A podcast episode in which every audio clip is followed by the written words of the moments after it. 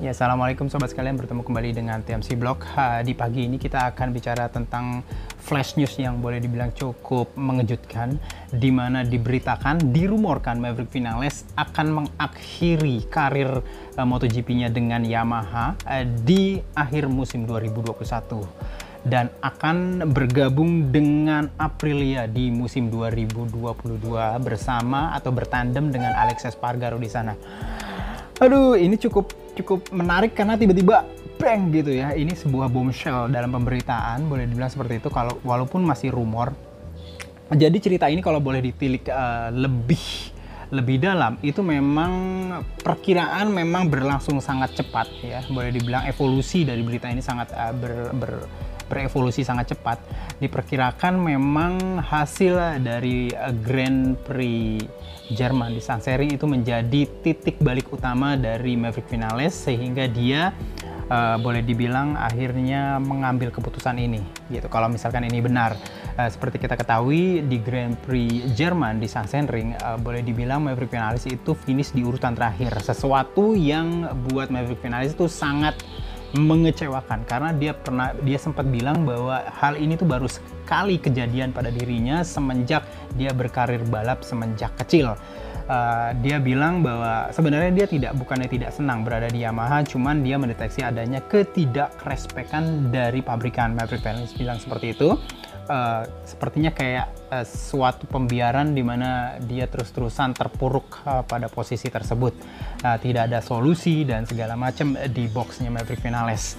Sampai-sampai uh, memang uh, seperti kita ketahui sampai Maverick Vinales itu berganti crew chief dari awalnya Esteban Garcia menjadi uh, crew chief yang pernah ber, apa namanya, berjasa kepada Valentino Rossi yaitu Silvano Galbusera uh, di hari apa namanya di hari uh, Kamis kemarin di Zoom meeting antara Maverick Vinales dengan jurnalis termasuk kami Maverick Vinales kembali uh, apa namanya memberikan atau bilang mengutarakan kekesalannya tersebut. Jadi boleh dibilang seperti itu sehingga dia sempat bilang entah ini bener apa enggak memang mau dia kerjain apa enggak. Maverick Vinales sampai kayak yang hopeless dia bilang oke okay, saya mau uh, semua setup uh, motor M1 dari Fabio Quartararo di Asen ini walaupun jika kita lihat uh, di uh, free practice 1 dan free practice 2 akhirnya apa yang Maverick Vinales katakan di hari Kamis tidak kejadian. Uh, di hari Jumat dia tetap menggunakan setupnya dia sendiri dan hadir tercepat di free practice 1 dan free practice 2. Jadi seperti itu.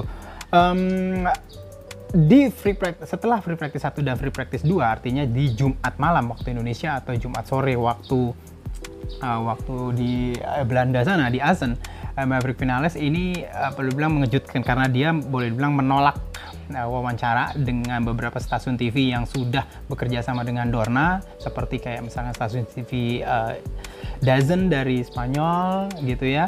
Lalu dia juga akhirnya absen di Zoom meeting dengan para jurnalis ya di Zoom meeting dengan para jurnalis. Atau penjelasan resminya adalah Maverick Vinales uh, kecapean gitu ya uh, setelah melakukan uh, technical meeting dengan boxnya dengan isi boxnya dengan dengan crew chiefnya dan semua teknisi-teknisi di boxnya sehingga dia hadir telat dan akhirnya nggak ada waktu untuk uh, apa namanya bertemu dengan para jurnalis. Dan dia juga udah kecapean. Nah jadi seperti itu um, jadi hari Jumat malam tidak ada Zoom meeting dengan Maverick Vinales walaupun akhirnya dia berbicara dengan uh, hanya satu kamera yaitu kamera MotoGP.com.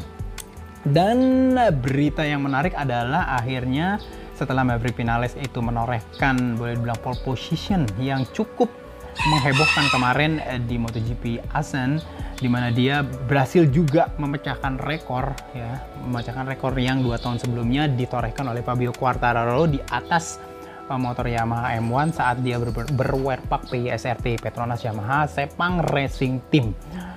Boleh bilang cukup eksepsional. Uh, Maverick Vinales berhasil uh, me menorehkan lap time yang boleh bilang mencukur sekitar 0,2 detik lebih cepat dari lap time rekornya um, Fabio Quartararo dua tahun lalu di di Asen ini walaupun memang sebenarnya eh, ketangguhan dari Yamaha M1 ini sudah boleh bilang terprediksi. Karena memang dari layoutnya sendiri uh, sirkuit Asen uh, di apa di, di Jep, eh, bukan di Jepang di Belanda ini uh, itu boleh dibilang memang sangat cocok ya, dengan karakter dari mesin M1 dan juga mesin-mesin inline 4 lainnya. Di mana misalkan dia tidak punya banyak uh, stride terus habis itu tikungan-tikungannya juga jarang banget yang tikungan-tikungan mati hanya tikungan-tikungan flowing terus habis itu berganti posisi berganti arah uh, menikung dan segala macam. Dan ini tuh boleh dibilang merupakan makanan empuknya M1 jadi memang no wonder Yamaha uh,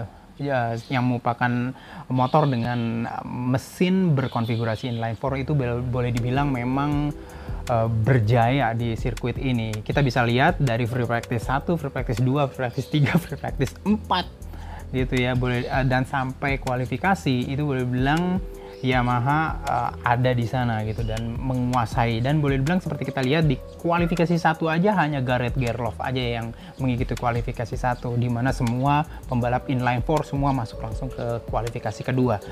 Dan balik lagi mengenai Maverick Vinales. Akhirnya dia um, boleh dibilang uh, dirumorkan ya. Uh, karena memang belum belum resmi. Karena walaupun memang ini uh, beritanya sudah kencang banget dirumorkan memang akan mengakhiri karirnya sebagai pembalap reguler Yamaha Factory di akhir musim 2021 ini di mana di musim 2022 dia akan memulai sebuah hidup baru gitu ya sebagai pembalap reguler pembalap factory juga di pabrikan lain yaitu Aprilia Racing Team.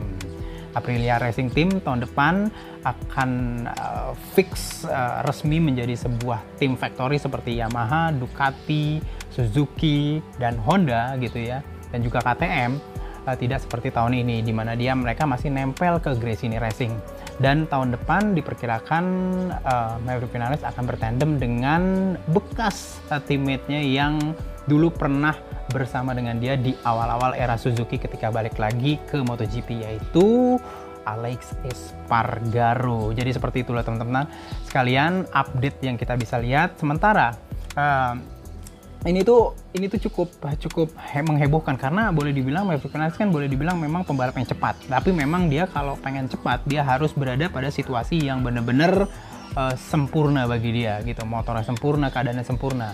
Berantakannya dia di Sachsenring salah satu yang diperkirakan menjadi penyebabnya adalah dia salah entah salah strategi atau dia cukup struggle pada saat FP3 sehingga dia tidak langsung masuk ke kualifikasi 2. Di kualifikasi 1 dia gagal masuk ke kualifikasi 2 sehingga terus uh, start dari posisi belakang dan akhirnya berlanjut uh, ke race di mana Sachsenring merupakan sirkuit uh, sempit sulit untuk mendapatkan titik overtake di depannya banyak Ducati, sulit untuk bisa berkembang dan memperbaiki posisinya. Jadi akhirnya gitu, posisi finishnya jadi berantakan juga untuk Maverick Vinales.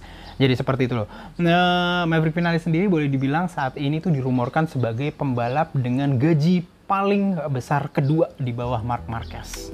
Um, besarnya tidak uh, besar definitifnya tidak pernah tersiarkan, cuman memang uh, rumornya adalah dia sudah masuk ke dua digit, artinya dia sudah masuk ke belasan juta euro per musim. Jadi seperti itu. Jadi hmm, boleh dibilang uh, cukup sayang juga ya, cuman sepertinya ya seperti ini. Uh, seperti kita ketahui, jika kita flashback ke masa-masa lalu, perpindahan dari pembalap ya pembalap uh, dari satu pabrikan ke pabrikan lain itu memang boleh bilang nggak banyak yang karena uh, uang atau karena materi teman-teman sekalian. eh, teman-teman bisa lihat ketika Valentino Rossi pindah dari Yamaha pertama kali ke Ducati itu alasannya bukan uang, gitu ya. Alasannya adalah respect juga, respect terhadap dirinya sebagai pembalap. Waktu itu dia boleh dibilang merasa di apa namanya boleh dibilang dia merasa ada apa namanya boleh bilang kompetitor di dalam uh, box timnya sendiri yaitu pada saat itu adalah Jorge Lorenzo. Lalu kita bisa lihat juga perpindahan kembali uh, sebelum 2 tahun dari Cal Crutchlow dari Ducati pindah lagi ke kayak tim Honda Satelit kalau nggak salah. Dan itu tuh memang karena uh, ketidakrespekan dari pabrikan. Uh, waktu itu Cal Crutchlow bilang di pertengahan musim dia sudah mendengar bahwa dirinya akan diganti tahun depan atau oleh Andrea Iannone. Sehingga boleh dibilang dia merasakan ada ketidakrespekan dari pabrikan. Dan ini menyebabkan Cal Crutchlow juga pindah. Dan kali ini kejadian lagi di mana akhirnya Maverick Vinales pun uh, diperkirakan pindah. Bukan karena uang tapi bukan tapi lebih karena ketidakrespekan uh, dari dia merasa ketidakrespekan dari pabrikan terhadap dirinya ya boleh dibilang ini adalah buntut uh, dari sebuah apa namanya kompetisi di dalam satu tim gitu ya. Uh, dan biasanya memang orang pertama yang harus dikalahkan dalam sebuah tim adalah teammate-nya itu sendiri. Yamaha sendiri kalau misalkan benar Maverick Vinales akan keluar diperkirakan akan mencoba uh, sekuat naga menarik uh, apa namanya pembalap dari Petronas Yamaha SRT yaitu Franco Morbidelli untuk kembali bertandem dengan Fabio Quartararo di uh, Yamaha Factory tahun 2022 nanti. Itu aja teman-teman sekalian berita singkat hari ini mengenai kehebohan yang terjadi akibat rumor akan pindahnya Maverick Vinales uh, dari Yamaha ke pabrikan lain yaitu Aprilia. Mudah-mudahan kita bisa bertemu kembali di vlog selanjutnya. Assalamualaikum warahmatullahi wabarakatuh.